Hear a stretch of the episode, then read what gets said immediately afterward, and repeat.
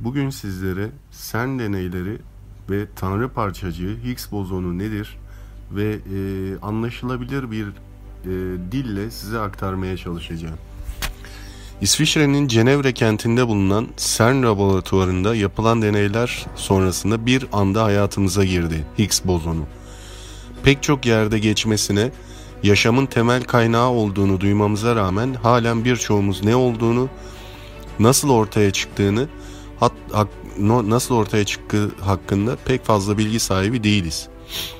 Higgs bozonu tanrı parçacığı nedir? Evrenin başlangıcı kabul edilen büyük patlamanın Big Bang, saniyenin milyonda biri kadar ertesinde ilk parçacıklar da etrafa saçıldı. Bu fizik kurallarını bulmaya çalışan fizikçilere göre ilk çıkan parçacıklar kütlesiz ve saf enerjiliydi. Fakat bilinen başka bir gerçeğe göre de evrende var olan her şeyin bir kütlesi vardır. Adına tanrı parçacığı denilen İsviçre'nin CERN laboratuvarında yapılan deneylerle varlığı kanıtlanan Higgs bozonu kütleleri olmayan atomlara kütle kazandıran mekanizmadır. Yani hiçliğe kütle vermektedir. Higgs bozonundan kasıt Higgs alanıdır. Higgs alanı dediğimiz şey bütün evrenin sahip olduğu tüm alanı ifade eder ve bu alanda Higgs mekanizması denen şey gerçekleşir. Ama akıllara garip bir soru geldi. Kuarkların bir araya gelmesi ve bu alanda kalması için bir kütlesi olması gerekiyordu.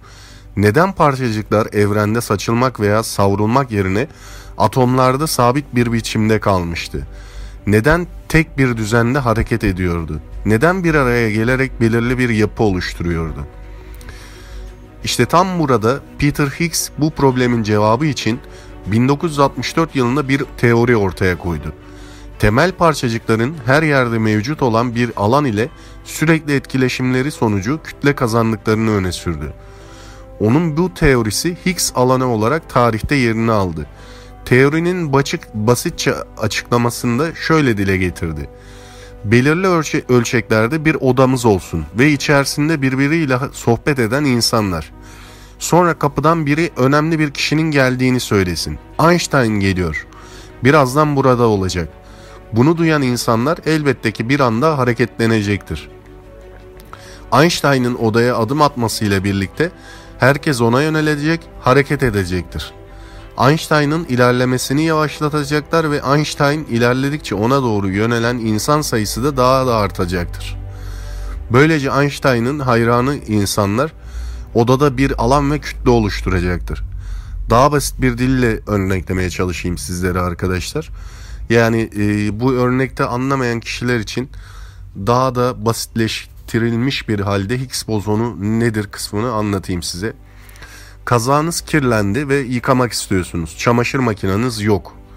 Deniz yakınında oturuyorsunuz. Göl var ya da böyle de düşünebilirsiniz.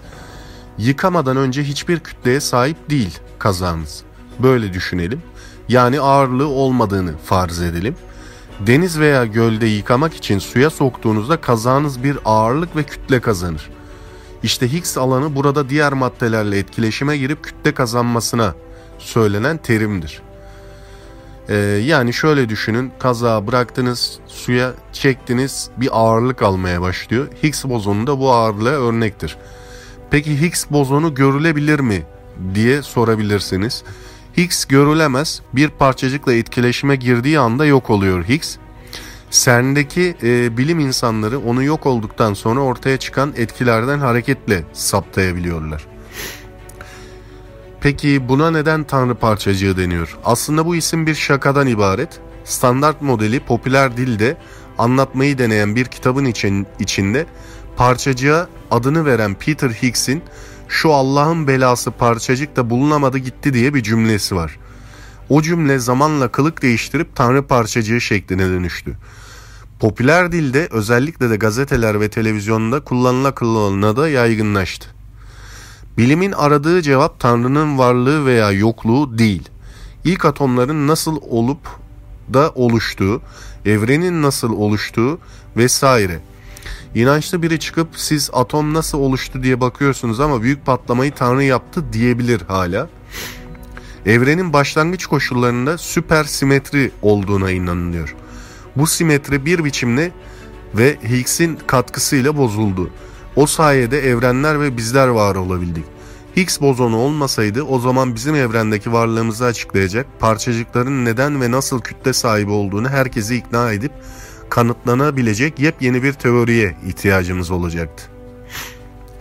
8 Ekim 2013'te Nobel Fizik Ödülü atom altı parçacıkların kütle kökeni anlayışımıza katkıda bulunan ve mekanizmanın keşfi için Francois Englert ve Peter Higgs'e ortaklaşa verildi. Peki bu Higgs e, alanı insanlar için ne önem taşıyor? Bu, bu buluşla beraber evrenin başlangıcı kabul edilen Big Bang'in de ötesine bakabilmek, başlangıcında e, ne olduğunu görebilmek mümkün kılınabilecek ve bu sonsuzluk içerisinde artık rotasız olmayacağız. Ayrıca CERN'de yapılan deneyler sonucunda eğer bozonu istemli bir şekilde üretebilirsek bu insanlık için sınırsız enerji anlamına gelebilir. Bu da bilim adamları tarafından şu ana kadar insanoğlunun gidebileceği en uç nokta olarak kabul ediliyor. Bu da şu ana kadarki tüm buluşların aslında ne kadar anlamsız olduğunu gösterecektir bize. Yani arkadaşlar bu e, buluşun yapılabilecek yani ileride e, üretilebilecek kısımda e, sınırsız enerji yapıldığında en yakın yıldız sistemine gitmemizi sağlayabilir. Veya e, sınırsız enerjiyle dünya içinde de birçok teknoloji geliştirilebilir. E, haliyle bu deneyin 2013'te Nobel ödülü alması ardından da çıkabilecek yeni teknolojilerle ne sağladığını görebileceğiz biz de. Arkadaşlar kısaca bu videomda size tanrı parçacığı Higgs bozonu hakkında bilgiler vermeye çalıştım. Bir sonraki videoda görüşmek üzere. Hoşçakalın.